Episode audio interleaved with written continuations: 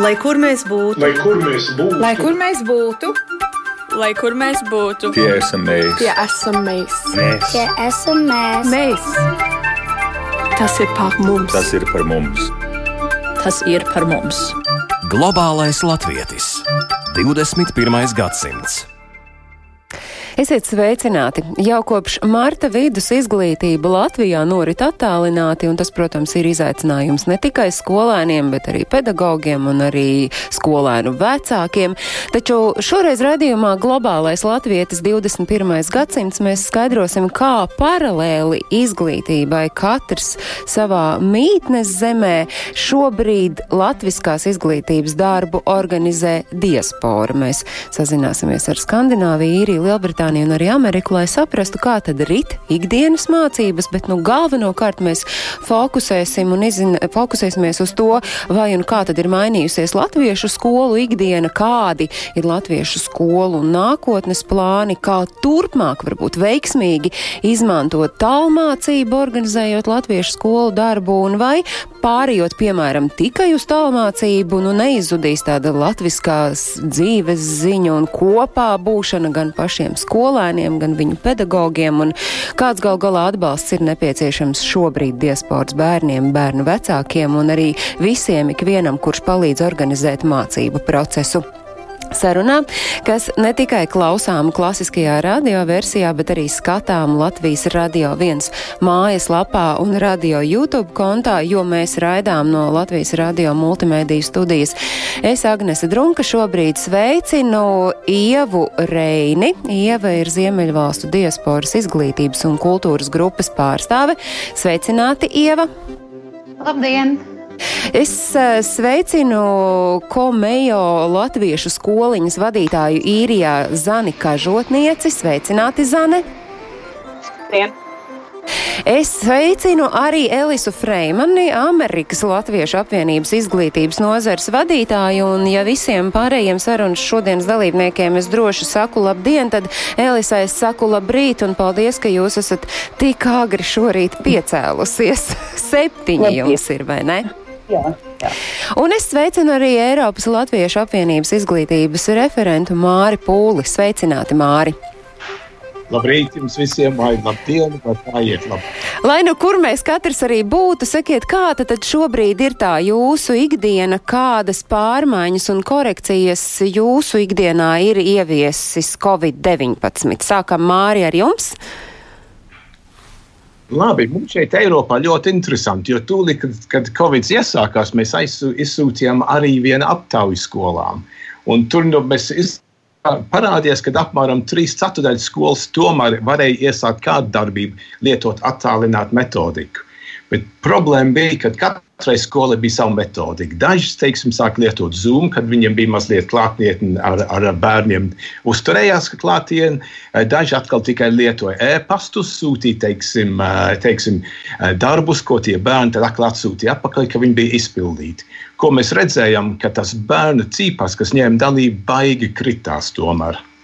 Un, uh, mums arī daudz atbildes tagad ir, kā iet uz priekšu, bet par to mēs varam runāt atkal vēlāk, es domāju. Jā, Zana, kā pie jums norit mācības? Gan tāda klasiskā izglītība tiem skolēniem jau nav arī, mm, nu, parastās mācības nav atceltas, gan arī kā jūs organizējat latviešu skolas darbu. Eh, Īrijas klasiskās mācības parastās skolas pašlaik ir viss ciet jau kopš, eh, kopš marta vidus. Eh, Mācības notiek attālināti pamatskolās. Parasti tā, ka eh, skolotāji vienkārši nosūta eh, bērniem mājas darbus, kas tiek pildīti, un pēc tam kaut kas tiek sūtīts atpakaļ. Tas nav tik strikti kā Latvijā, ka, teiksim, ir katru dienu kaut kur jāpierakstās. Bet tās mācības ir diezgan, bērniem ir ko darīt, bet tas nav, tas nav tik, tik uzspiesti. Tiek ļoti liels uzsvars patiesībā pašlaik likts arī uz to, ka e, bērni iet laukā un, un, un dara kaut ko citu, kas patiesībā nemaz nav skolas darbs, bet tādā veidā viņi mācās kaut ko pavisam, pavisam citu. Uh, ar latviešu skolām tā situācija tāda pati, kā Mārcis teica, visā Eiropā. Uh, ir skolas, kas, kas turpina darboties, ir skolas, kas uh, ir pārstājušas darbību, ir skolas, kas uh, tā, tā, tā darbība ir dažādos, dažādos veidos. Um, pašlaik, cik man ir informācija par īriju, Latviešu biedrības īrijā skoliņas, kuras ir piecas, pašlaik jau darbojās jau kopš marta vidus tādā pašā veidā kā parastās mācību iestādes, kas bērniem tika izsūtīti darbiņi. Un, un tā, nu, kurš nu izpilda, kurš neizpilda un atsūta skolotājiem atpakaļ, mūsu skola darbojās, mūsu, mūsu darbība vispār nepārstājās, jo man bija iespēja iziet klāstu valodu kursus, ko piedāvāja Latviešu valodas aģentūra. Un sanāca tā, ka e, tajā nedēļā, kad skolas tika aiztaisīta, mēs pasniedzām pirmo stundu viens otram nodarbībās, nu, e, kursot. Un līdz ar to es uzreiz varēju to pašu nodarbību pasniegt arī skolas bērniem, kas, kas darbojas ļoti, ļoti labi. Un tā arī mēs pašlaik strādājām ar Skype un, e, un Classflow kritums vai audzēkņi iespējams ir nākuši klāt, vai tomēr jūs jūtat to, ka ir tāda papildu motivācija vajadzīga šobrīd mācīties? Audzēkņu skaits nav nācis klāt, daži ir atkrituši pārsvarā, tie ir mazākie jaunākie bērni, jo tiem, teiksim, nu, pavisam mazāk grupiņi, teiksim, zem seši gadi, jo tiem ir, tiem ir grūtāk noturēt uzmanību. Bet bērniem pārsvarā patīk, vecākiem bērniem, kas jau ir virs seši gadi, viņiem, viņiem patīk darboties ar šīm tehnoloģijām. Un Klāsfols ir tāda ļoti interaktīva vide, kurā, kurā, kurā to var darīt. Un, un bērniem pārsvarā ļoti patīk, bērni ir ļoti apmierināti. Tas ir, tas ir devis skoliņai kaut kādu pat tādu, nu, tādu uzsitienu nedaudz, kas ir nu, nu, vienkārši citādāks tas mācību process ir, un bērniem, bērniem tas ir, tas ir, tas ir patīkami. Es arī tā domāju, ka tas varētu, jā. Es to varu teikt par mūsu skoliņu. Es zinu, ka arī Klāsla vidē ir sākuši darboties e, e, Waterfords Jumītas kopš pagājušās nedēļas. E, par citām skolām man diemžēl informācija nav. Es zinu, ka, ka, ka, ka Latvijas biedrības īrijā skoliņas darbojās tā, tādā pašā veidā kā parastās skolas, bet, bet es varu visvairāk stāstīt loģiski par, par mūsu pašu skolu.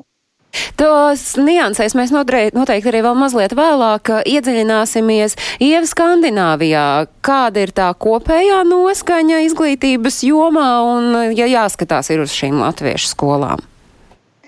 Nu, teikšu uzreiz, ka mūsu skolēnu uh, skaits ir ne tikai uh, aptvēris Ziemeļvalstis, bet arī daudzas valsts Eiropā un pat uh, citur pasaulē aiz, aizjūrās. Uh, Bet, protams, ka Covid situācija ir mainījusi arī mūsu dalībnieku skaitu, kāds bija teiksim, pašā gada sākumā. Un e, šeit ir e, jāpiekrīt Mārim, ka tā ceturtā daļa, ja, kur, kā Mārs minēja, tagad neapmeklē latviešu skolu, iespējams, ka daļa ir atradusi ceļu arī pie mums, e, kur mēs jau esam iestrādājušies tālmācības teiksim, programmās. Un, līdz ar to mūsu skolēnu skaits ir audzis vairāk nekā divas reizes.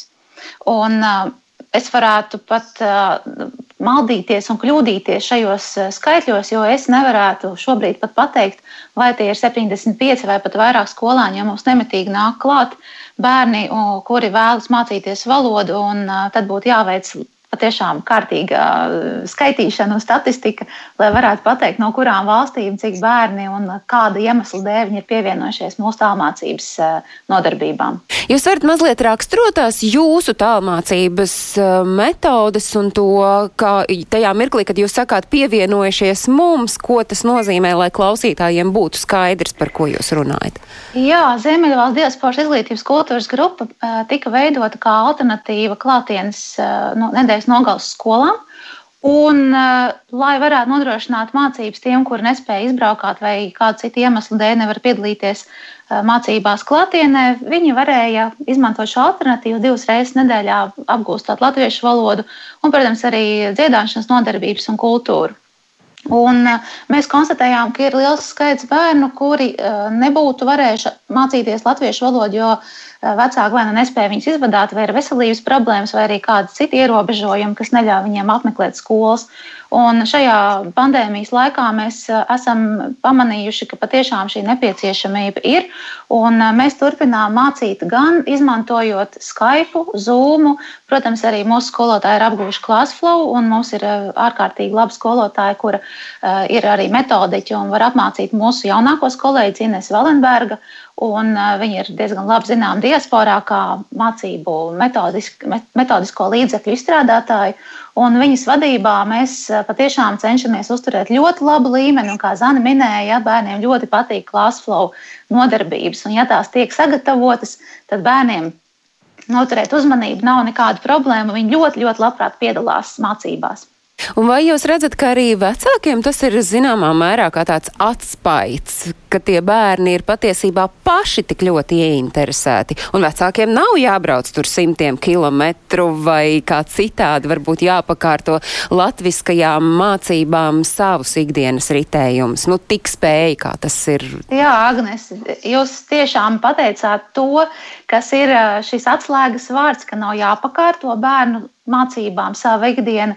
Un ļoti daudz vecāku novērtē, ka mācības notiek pusstundu, stundu, dažas reizes nedēļā, un viņi var turpināt savus ikdienas gaitas. Protams, ka vecāku atbalsts ir nepieciešams gan tehnikas uh, uzstādīšanai, gan arī bērnu pieskatīšanai, ja pēkšņi tā uzmanība zūd kādā brīdī, jo tas nav nekāds noslēpums, ka kādreiz var būt tā, ka negribas pie tā datora sēdēt un gribas noslēpties zem galda. Un uh, vienīgi, ko es gribētu pamudināt vecākus, kur pie tā datora piesēdina tos eh, savus mīluļus, runājiet ar viņiem arī pēc nodarbības latviešu, jo mūsu nodarbības, nu, tā latviešu valoda noteikti, noteikti eh, uzlabos un pastiprinās vēlmi runāt. Un es zinu, ka daudz mūsu bērnu pēc tam arī spēlē spēles un sazinās savā starpā, bet runājiet ar bērniem arī ikdienā. Un, un eh, nepaļaujieties tikai uz to, ka šī stunda nedēļā dos visas zināšanas. Pieslēdzamies Elisai. Elisa, ka šobrīd um, jūs kā cilvēks, kurš uh, Amerikas Latviešu apvienības izglītības nozari pāraugāt un arī uh, varat mums atklāt, kāda ir tā situācija pie jums, kā mācības tiek organizētas gan tādā klasiskajā izglītības sistēmā, gan arī latviešu skolās. Es domāju, ka Amerikā ir stipri atšķirīgi um, apstākļi. Mūsu Protams, mēs esam kontinents ar četrām laika zonām, un uh, katra amerikāņu skola ir pakļauta savai pašvaldībai. Vai tas ir pilsētas mērogā vai kā. Tas nozīmē, ka kat, gandrīz vai katrs latviešu bērns Amerikā ir citā skolas sistēmā ar citām prasībām pandēmijas laikā. Dažas skolas, amerikāņu skolas pieprasa ļoti daudz no bērniem, dažas mazāk. Un tā mūsu latviešu skolām ir bijis arī jā, jāpiemēro savas prasības tam, kas notiek amerikāņu skolās. Uh, mums ir 21 skola Amerikā. Uh, no tām, cik man zināms, apmēram 3 ceturtais darbojas kaut kādā veidā attālināti, vai nu kaut vai caur e-pastiem un tā tālāk. Un, uh, kad es desmit izmanto Zoom vai Skype vai FaceTime vai kaut ko tamlīdzīgu, lai rīkot virtuālās nodarbības. Um, mums ir arī atšķirīgi tas, ka mūsu skolas pastāv jau 70 gadu ar ļoti um, ar izstrādātu programmu, un mums tieši tas kopējais satikšanās ir tik nepieciešama, uh, ka dažas skolas ir izvēlējušās pašreiz neturpināt strādāt, jo viss balstās uz to, ka, ka bērni ir kopā. Un, bet, bet atkal tad uh, es varu pateikt par saviem skolēniem. Es mācu vidusskolas vecumu skolēnus Čikāgas Latviešu skolā. Uh, viņiem ir arī ļoti mūs, patikušas mūsu Zoom stundas, un kur citās reizēs bieži daudz iztrūkst. Man ir visi skolēni uz visām stundām, jo tas ir kaut kas jauns un sevišķs. Cik ilgi tas turpināsies, protams, mēs nezinām. Bet, nu, tā kopumā skatot, protams, ka katrā mītnes zemē droši vien katras, katras skolas vadība arī lemj, bet Māri, man jums ir jautājums, nu, no kā jūsuprāt ir atkarīgs tas, vai tā skola turpina darboties, meklē šīs iespējas, kā strādāt ar saviem skolēniem, un vai vispār ir plānots, nu, šajā ārkārtējā situācijā, tad domāt par kaut kādām, nu, tālāk nākotnes vīzijām, kā šo darbu organizēt. Nu, laikam labā ziņa ir tā, šausmīgi garu es to jautājumu tagad uzdodu, ka tagad ir mācību gada beigas latviešu skolām, un līdz ar to ir gan pedagogiem, gan arī tiem izglītības rīkotājiem ir laiks ievilkt telpu un saprast, kā tad mēs tālāk strādājam. Bet tad sākam ar to, no kā ir atkarīgs, kā tā skola šobrīd rīkojas. Es domāju, ka mums ir jāskatās uz diviem viedokļiem šeit. Uh, es esmu vienmēr, esmu vienmēr ticējis, ka vis tā labākā apmācība ir klātienes apmācība. Tas ir bez šaubām, jo katram bērnam ir savas vajadzības. Skola arī nav tikai apmācības rīks, es domāju, viņa ir sabiedriskais rīks, kas ir ļoti svarīgs, lai bērni var satikties, justies kopīgi. Un ļoti bieži, kāpēc bērni iet uz skolu, jo viņam draugs iet uz skolu. So, tas, tas ir tā pirmā lieta. Tad es vienmēr funkcionēju, es zinu, ka mums ir jāskatās, kā mēs varam turpināt to klātienes apmācību. Bez šaubām ši, šī, šīs Covid arī pierādīs, ka mums ir jābūt gataviem arī uz attālinātu mācību. Un tās abas varētu iet gandrīz kopīgi. Jo, ko es redzu, ka klātienes apmācība paņem tos bērnus, kas tiek uz skolas. Galīgi piekrīt. Daudz bērnu netiek uz skolu, teiksim, ja, vai viņi slimo. Tādēļ attālināt mācības programmu, kas ir gatava, viņiem arī ļoti svarīgi. Es domāju, ja mēs skatāmies, kas ir tagad vajadzīgs, lai mēs varam iet uz priekšu.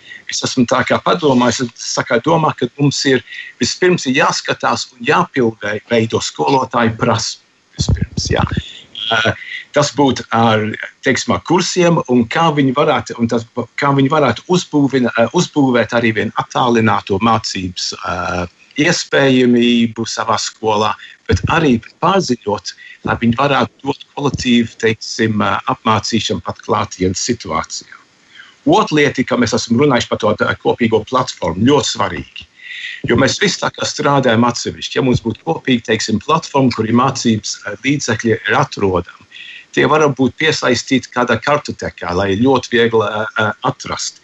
Mācības materiāli varētu būt sagatavots mācības stundas, vai skolas pašas iesūta iekšā mācības materiāls, kas viņiem ir ļoti labi ir, jau sagatavots un darbojas. Cilvēki varētu to, to arī teiksim, lietot.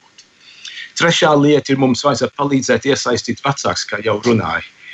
Ir jāatgādina viņiem, vai jūs gribat, lai bērns aizmirst par Latviju. Vai jūs gribat, lai bērns aizmirst, kas ir latviešu valoda? Šitais varētu nākt no Latvijas ļoti labi, tā kā ļoti liela mediju kampaņa atgādinātu zin, par to latvietību, kas ir tik, tik, tik svarīgi mums visiem. Kā mēs varam iesaistīt jauniešus? Mēs zinām, ka no 14 gadu vecuma gandrīz neviens vairs neiet uz latviešu skolu. Jāsāk meklēt atkal jaunas idejas, vai varbūt jauniešiem patīk satikties nometnēs. Rīkosim nometnes, dosim vairāk nometnes mūsu zemēs Un es domāju, vēl viena lieta ir tā tehniskā apgāde. Tas ir ļoti svarīgi. Arī mums ir jānodrošina, ka katrai skolai ir apmēram tas pats tehniskās apgādes, tieši kā Ieva teica. Mums bieži ir trūkums, vai mājās ir trūkums, vai kādu mazo planšetu viņi varētu darboties, vai atkal skolās arī tas trūkums. So tas būtu apmēram mans ideālais plāns, ja mēs varētu to veidot. Un varbūt tam būtu arī jānāk, zin, nu, kā mēs sakām, kurš ir tas vadošais. Varbūt Latvija, Latvija paša zina, ka tur ir ļoti liels, svarīgi cilvēki, kas dzīvo diasporā, kad viņam ir jāpieņem to faktu un saka, mēs gribam iesaistīties nodibinātā skolas zem IZM. Jūs tiešām, Māri, runājat par tādu ideālo mācību procesu, bet tad, nu, uzreiz droši vien ir jājautā tiem, kuri reāli arī strādā. Nu, piemēram, Zāne un Elisa, es nezinu, kuru no jums pirmā. Nu, par skolotāju prasmēm runājot, nu, tas ir droši vien kaut kas tāds, ko arī jūs redzat, ko vajag spēt attīstīt, un jūs arī redzat, kas ir tas, kas šobrīd skolotājiem ir visvairāk nepieciešams un vajadzīgs. Elisa, varbūt jūs, un tad pēc tam Zāne. Mūsu skolās pārsvarā strādā labsirdīgās mammas, un viņas ziedo savu laiku, lai, lai būtu sestdienās vai svētdienās ar bērniem. Dažas viņas ir, ir ļoti talantīgas, pašas no sevis viņas ir inženieri vai advokāti, vai, bet uh, viņām, no, viņām nav laika gatavot materiālus. Viņas arī to neprot, tas tā nav viņa profesija. Mēs esam runājuši par to, ka mums ir vajadzīgi vairāk metodiķi Amerikā. Un es varu mazliet par Austrāliju arī pastāstīt, jo man ar, ar Austrālijas vadību bija saruna, ka mēs, mums ir jāmobilizē mūsu mammas un jāpalīd, jāatbalsta viņas ne tikai ar apmācībām, bet ar, ar materiāliem un ar to, ar, ar savu, at, atzīstot to, ka viņām laika trūkums ir milzīgs. Un tad vēl viņi palīdz saviem bērniem sagatavot maisdarbus citiem skolotājiem. Tad jūs pieļaujat domu, ka tas, ko Māris pieminēja, šāda kopīgas platformas izveide, tas būtu tāds krietnes atbalsta punkts arī jūsu skolotājām, šīm krietnajām mamām. Jā.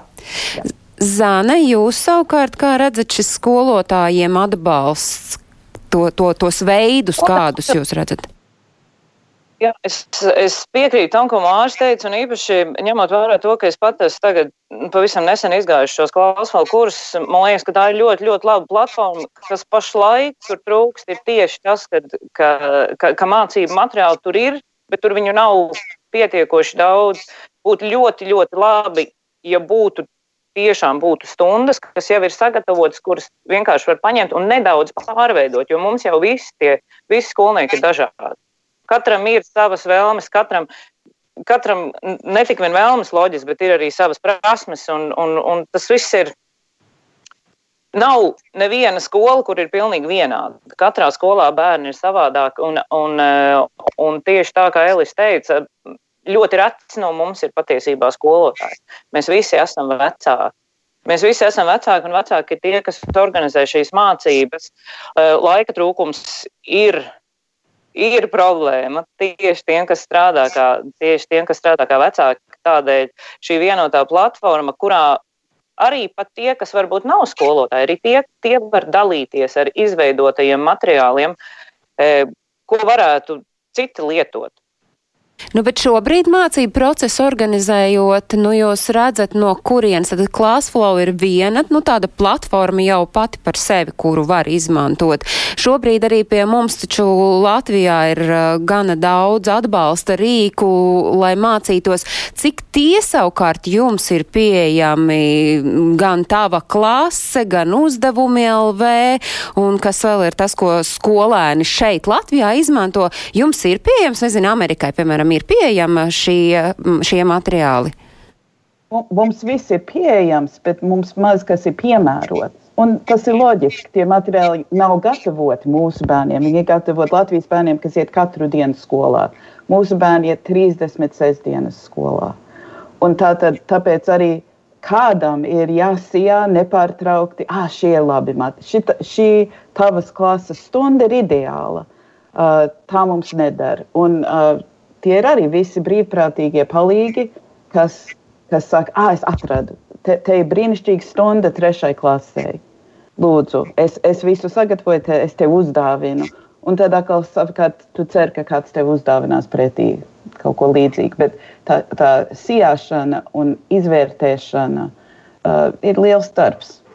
Tas ir liels darbs, kas ir liels brīvprātīgā darbs, kas Absolut. ir nenovērtējami, un es domāju, ka reizēm tā klausoties, nu, kas tad tur latviešu skoliņi strādā, mēs šeit, piemēram, latviešu pat neiedomājamies, cik daudz tas prasa no skolotājiem, kuri patiesībā nav pedagogi. Savukārt, nu, kā jums šķiet, Ieva, jūs redzat, ka tos eh, mācību materiālus, nu tā izsijājot, eh, var paņemt sev un eh, rosīties arī šobrīd tālmācībā strādājot latviešu skolās. Un kā jūs redzat, kā varbūt nu, šo kopīgo platformu vispār veidot? Nu, no kurienes tos materiālus ņemt?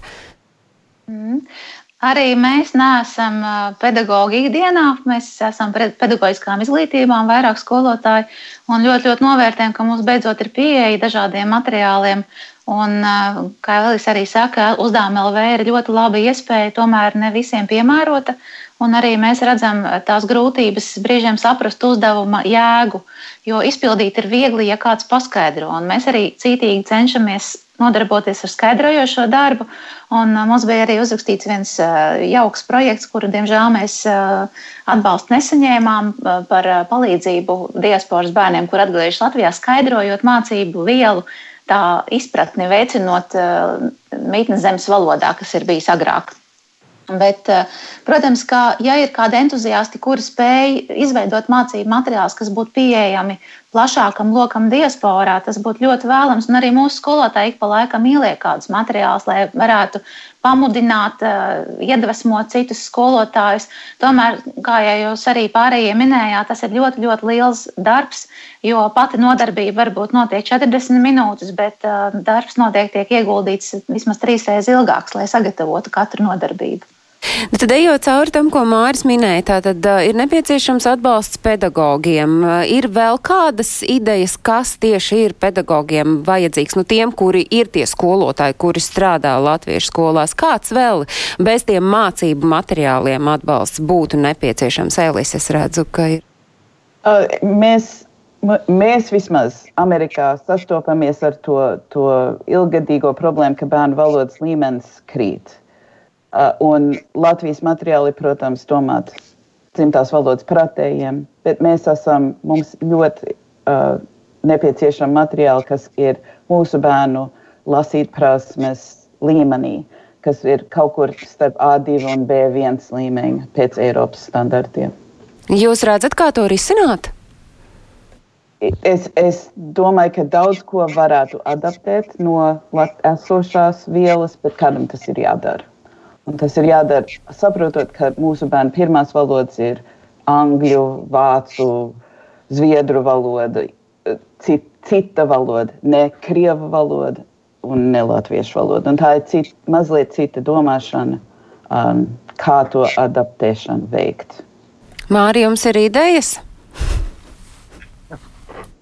Man tieši tā ideja, tu zini, par to skolotāju, par pašiem skolotājiem varbūt, kā varētu iet tālāk pilnīgi pareizi. Cilvēki, kas strādā skolās, ir vairāk strādā arī ikdienas darbos.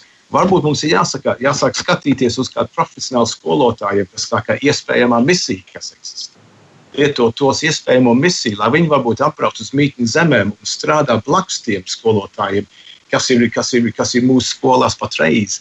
Tas būtu viens veids, kā varētu pie, pilnveidot uh, prasmes. Otra lieta ir, varbūt mums arī jāsāk domāt, kas nevienam nepatīkās runāt par atalgojumu skolotāji visu laiku strādā par brīvu. Vai viņi, vai viņi jūtas novērtēti kā cilvēki? Mums arī jādomā, kā viņi paši jūtas. Un kā mēs varam uzlabot to, tā, kā viņi paši jūtas, un ja viņi paši jutīsies labi, viņi gribēs turpināt arī skolās. Kad skolotājs atstāja skolu, tā skola bieži gandrīz sabrūk. Ja divs atstāja, vai tieši tas līderis atstāja. Es domāju, tur ir tas un saprats, kā mēs varam tagad uh, pilnveidot un uzturēt nākotni ar tiem pašiem skolotājiem. Jo tā rotācija zemēs vairs nav tik liela. Cilvēki paliek uz vietas. Bet mums ir tiešām jādomā, kā to varētu darīt. Un tad es domāju, mēs uzlabotu arī, kas notiekās mūsu skolās. Visas skolas jau nevarēs būt tādas pašas.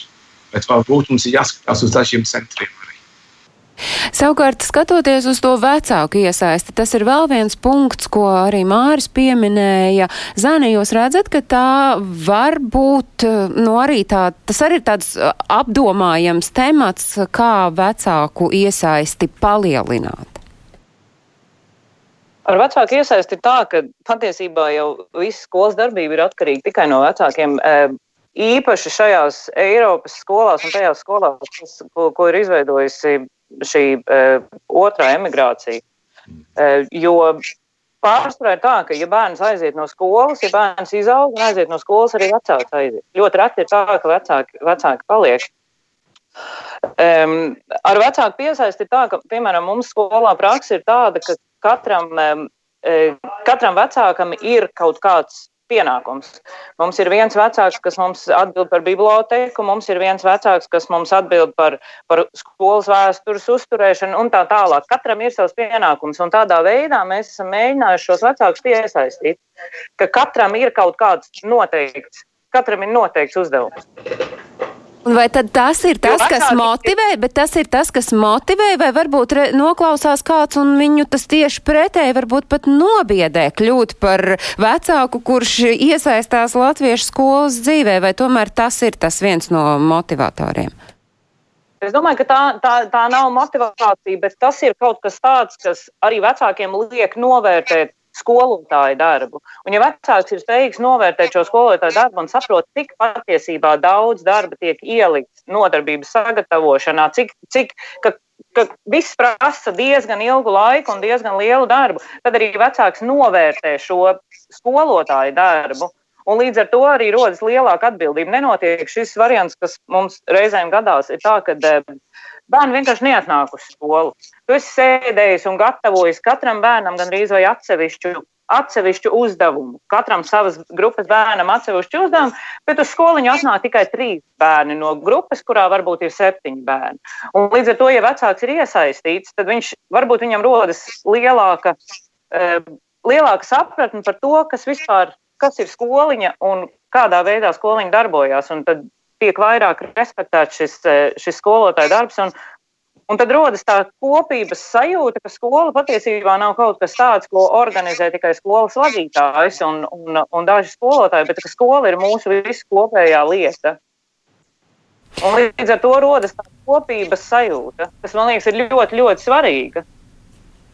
Nu, savukārt, eh, jums, Elis, par šo vecāku iesaisti, nu, tur jau izskanēja, ka pirmkārt jau vecāki ir iesaistīti pašā skolas darbā, bet, bet vai nav tā, ka, nu, ka ir tādi apzinīgāki un tad ir tādi, kuri, nu, varbūt eh, līdz ar to arī tas viņu bērns vairs neiesaistās, jo tam vecākam nav tādas motivācijas. Kur jūs redzat vēl to motivāciju vecākiem rast? Vecāki ir absolūti nepieciešami mūsu skolās. Tāpat kā es noklausījos, kā īrijā, kad, kad uh, viņi organizē dažādas pasākumus. Mums pastāv daudzās skolās vecāku padomu, kas paralēli kaut ko organizē un kārto un vāc līdzekļus un tā tālāk. Uh, tas, kas ir interesanti, ir, ir arī tas, ka mūsu vecāki ir bieži bijuši kādā latviešu skolā audzēkņi. Viņiem tā kultūra ir iegājusies un, un viņi vēlās, lai viņu bērniem ir līdzīgs piedzīvojums. Tas mums ir pluss. Viņiem tas nav, sve, nav sveša vide.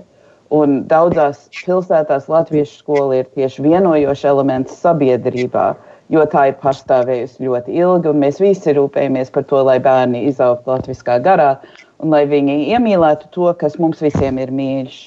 Bet ne, neapšaubām, uh, 20% vecāki dara 80% darbu, un tā vienmēr, manuprāt, tā vienmēr būs.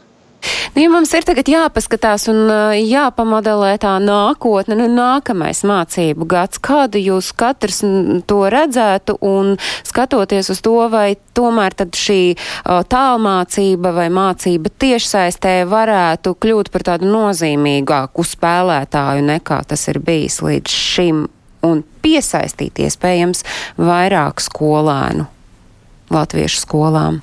Elisa, jūs? Viss iespējams. Mēs jau uh, ir jāparedz, ka rudenī uh, dzīve vēl nebūs tā kā, tā kā tā ir bijusi. Es ceru, ka mēs varēsim izmantot to, ko mēs esam iemācījušies šī pavasarī strādājot, lai, lai mēs turpinātu pulcināt bērnus kaut kādā veidā. Ieva pacēla roku, gribēja ko piebilst.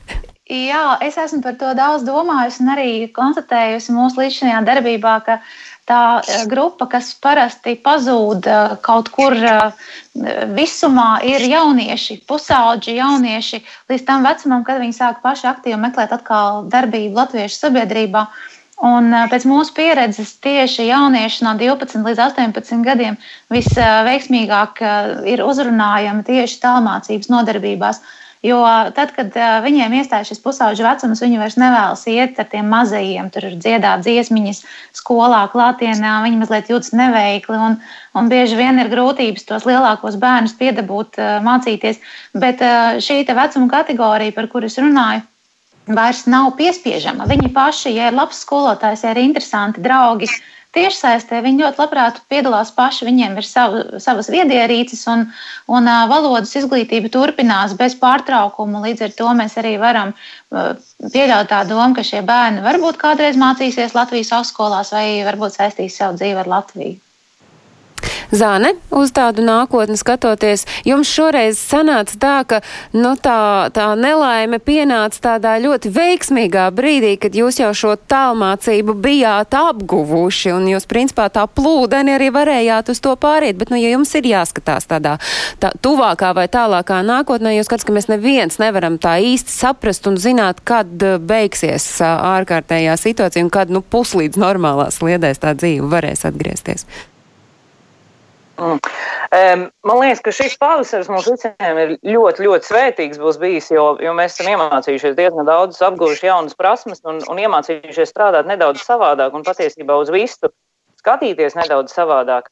Um, es ļoti, ļoti teiksim, pašlaik ir tā, ka es esmu vienīgā, kas mūsu skolā strādā ar šo klausuli. Nozīmē, tas nozīmē, ka man jāstrādā ar visām trijām grupām, vai vismaz ar divām grupām. Tie bērni ir jādala grupās, jo nevar ar tik lielu skaitu strādāt vienā grupā. Bet es domāju, ka tāpat kā Ieva teica, ka tas ir šī tālmācība ir kaut kas tāds, kas, kas ļoti ir, ir, ir lielākajiem bērniem ļoti, ļoti interesanti, jo, jo tas ir tas veids, kādā viņi savā starpā sazinās. Un es domāju, ka, ka, ka tas būs tiešām kaut kas tāds, kas tos, tos lielākos bērnus ļaus mums ieturēt skoliņās, un ka viņi tālāk. Ja, teiksim, skolā tas ir iesākts, šī saziņa un šī mācīšanās ir iesākta caur viedi, viedi ierīcēm, tad tas arī, tas arī var turpināties. E, es piekrītu Mārim, ko Mārs agrāk teica arī par to, ka ir jāturpina šī skolotāja tālāk izglītošana tieši šajā jomā. Jo e, arī, ja mēs skatāmies uz globālās sasilšanas problēmām, mums, piemēram, skolā bija tāda situācija, ka mums šogad nācās atcelt divas skoliņas nodarbības, Jo mums bija tā, ka mums divas tās nedēļas nogalas bija tādas vētras, ka ieteica cilvēkiem vispār neiziet uz ielas. Tādēļ mums vajadzēja atcelt šīs nodarbības, bet e, situācijā, kāda ir pašlaik, ja būtu visas šīs zināšanas un šīs prasmes lietot, lietot, e, lietot attālināto mācīšanu, tad, tad arī mums šīs nodarbības nebūtu izkritušas. Tā kā šīs prasmes, es domāju, ko mēs esam ieguvuši, viņas būs ļoti, ļoti noderīgas arī turpmāk. Gan tajā, ziņ, gan tajā, tajā gadījumā, ja mēs turpināsim mācības pilnīgi tā kā iepriekš, gan arī tajā gadījumā, ja vēl, ja vēl mēs nebūsim atpakaļ normālajā, tā sauktajā normālajā dzīvē. Vispār man liekas, šis ir tas brīdis, kad mēs pārvērtējam un izvērtējam, ko mēs saprotam katrs ar vārdu. Normāli tas arī ir fakts. Bet um, ir cilvēki, kuri tomēr ir nedaudz satraukti. Nu, ja tādā ilgtermiņā mums ir jāpaliek tikai tālmācībā, vai nav tā, ka nu tad pazūd tā latviskās dzīves ziņas saglabāšana, nu, vai arī tā kļūst nu, tāda sarežģītāka un pati par sevi tā kopā būšana izpaliek, un tas ir varbūt tāds atkal milzīgs mīnus. Ieva, jums droši vien, jo pārējie diezgan piekrītoši māja, tad Ieva, man jums jautājums. Jūs droši vien varat ar savu pieredzi likt pretī, tas var būt apdraudējums tādai latviskuma saglabāšanai, tikai palikt tālmācībā. Es domāju, ka tikai palikt tālmācībā nav nevienam tas labākais scenārijs. Jo arī mēs uh, vienmēr esam skatījušies uz iespējām satikties. Uh, vai nu tepat eh, Zviedrijā, vai arī Latvijā, esot, eh, piemēram, brīvdienās. Un mūsu lielais mērķis bija šajā gadā piedalīties eh, skolu jaunatnes dziesmu un deju svētkos. Mums bija 15 bērni, kuri bija plānojuši doties uz Latviju. Tā kā šī doma satikties un draudzēties arī klātienē nav mums absolūti sveša, jo mēs neesam tie, kuri tikai un vienīgi cienā tālmācību, bet uh, tikai tās proporcijas varbūt ir atšķirīgas. Nu, un skatoties uz to, jūs jau pieminējāt sāpīgo punktu atcelt, tad, kad iziet cauri dažādām šīs gaidāmās vasaras norisēm, kas ir saistītas gan ar nometnēm, gan ar dažādiem pasākumiem, tie visi šobrīd ir eh, vai nu atcelti vai pārcelti. Eh, taisnība visi klātesošie, kas bija tie plāni, vai nē? Uh, Amerikā vismaz, jā, Amerikā vismaz uh, pašreiz daļa ir atcelta, bet mēs vēl turam īkšķus, ka kaut kādā veidā bērni varētu nometnēs satikties. Bet tas būs atkarīgs no veselības noteikumiem, ne no mums tik ļoti. Un kā bērni uztver visas šīs ziņas? Jā. Bērni, bērni ir ļoti. Viņi ir, viņi ir bēdīgi. Nu, viņi, viņiem patīk satikties, viņiem ļoti patīk nometnē dzīvot. Un, uh, visiem ir ļoti žēl par to. Zane? Mums, mūsu īrijas 3x3 nometne oficiāli vēl nav atcelta. Šo lēmumu mēs pieņemsim pēc, pēc nedēļas, skatoties gan uz, gan uz Latvijas, gan arī, nu, protams, visvairāk uz īrijas valdības lēmumiem. Es zinu, ka ir atcelta pašlaik Latviešu valodas aģentūras bērnu nometne, kas ir, kas ir diezgan daudziem diasporas bērniem. Tā bija ļoti gaidīta un ļoti liels stimuls piedalīties šīs, šajā latviešu valodas tālmācībā. Arī man, man, mani paši bērni ir, ir, ir skumji par šo, par šo faktu, bet un arī par dziesmu svētkiem, protams, bet nu, vismaz mums tagad ir vairāk laika iemācīties visas dziesmu svētku dziesmas no galvas nākošajam gadam un, un iemācīties visu pilnu programmu. Tā kā mēs turpinam darboties un turpinam, turpinam dzīvot ar to, kas ir un, un, un mācīties jaunas lietas un tā tālāk tādi, zināmā mērā, noslēguma vārdi šim raidījumam ar to domu, ka tas latviskais spīts jau nekur nepazudīs, vai ne? Vēl varbūt Ieva un uh, Māris ir ko piebilst. Es gribēju teikt, ka tas nekad nepazudīs, jo es domāju, ka viss tā situācija drīz pazudīs. Skolas atkal būs klātienes, uh, Mums notiks atkal nometnes. Mēs jau turpināsim apmācīt skolotājus ar, ar attālināto apmācību, kas ir tagad iedom, notiksies ļoti drīz. Mēs saliekam programmas kopā, bet būsim pozitīvi. Viss būs labi. Un Ieva? Jā, un redzot to, cik daudz mums pievienojas pēdējā laikā jaunu ģimeņu, es redzu, ka to latviešu kopā būšanu vajag, ja ne klātienē, tad neklātienē, un tie, kuriem tās pietrūkst, tie nāk un meklē. Un mēs visi ceram, ka drīz mēs visi satiksimies vai no savās mītnes zemēs, un noteikti arī Latvijā. Un Elisa? Mēs jau arī, mēs, mūsu otrā dzīve ir latviskā dzīve, un tā ir klātienes dzīve. Kā, nu, mēs, mums, mēs arī būsim pozitīvi un cerēsim uz labāko. Paldies jums visiem četriem par uh, to, ka varējāt būt šai brīdī kopā ar mums, jo klausītāji, protams, mums taču ir visā pasaulē, jo šis ir redzījums globālais Latvijas 21. gadsimts. Māris Pūlis, Eiropas Latviešu apvienības izglītības referents, Ieva Reina, Ziemeļvalstu diasporas izglītības un kultūras grupas pārstāvi, Zane Kažotniece, Komejo Latviešu skoliņas vadītāja Īrijā un Elisa Freimane, Amerikas Latviešu apvienības izglītības nozars vadītāja. Tie četri cilvēki, kurus jūs nulikā dzirdējāt, bija mūsu šās reizes raidījuma ciemiņi. Es atgādinu, ka visas ārpus Latvijas dzīvojošajiem svarīgās aktualitātes jūs varat meklēt arī portālā latviešu.com, un turpat arī varat skatīties mūsu raidījumu, raidījumu globālais Latvijas 21. gadsimts. Raidījumu varat meklēt arī Latvijas radio vienas mājaslapā, bet atkārtojumu klausāties katru svētdienu uzreiz pēc trījiem pēcpusdienām. Un uz tikšanos klausītāji un skatītāji jau nākam pie pirmdien. Atā!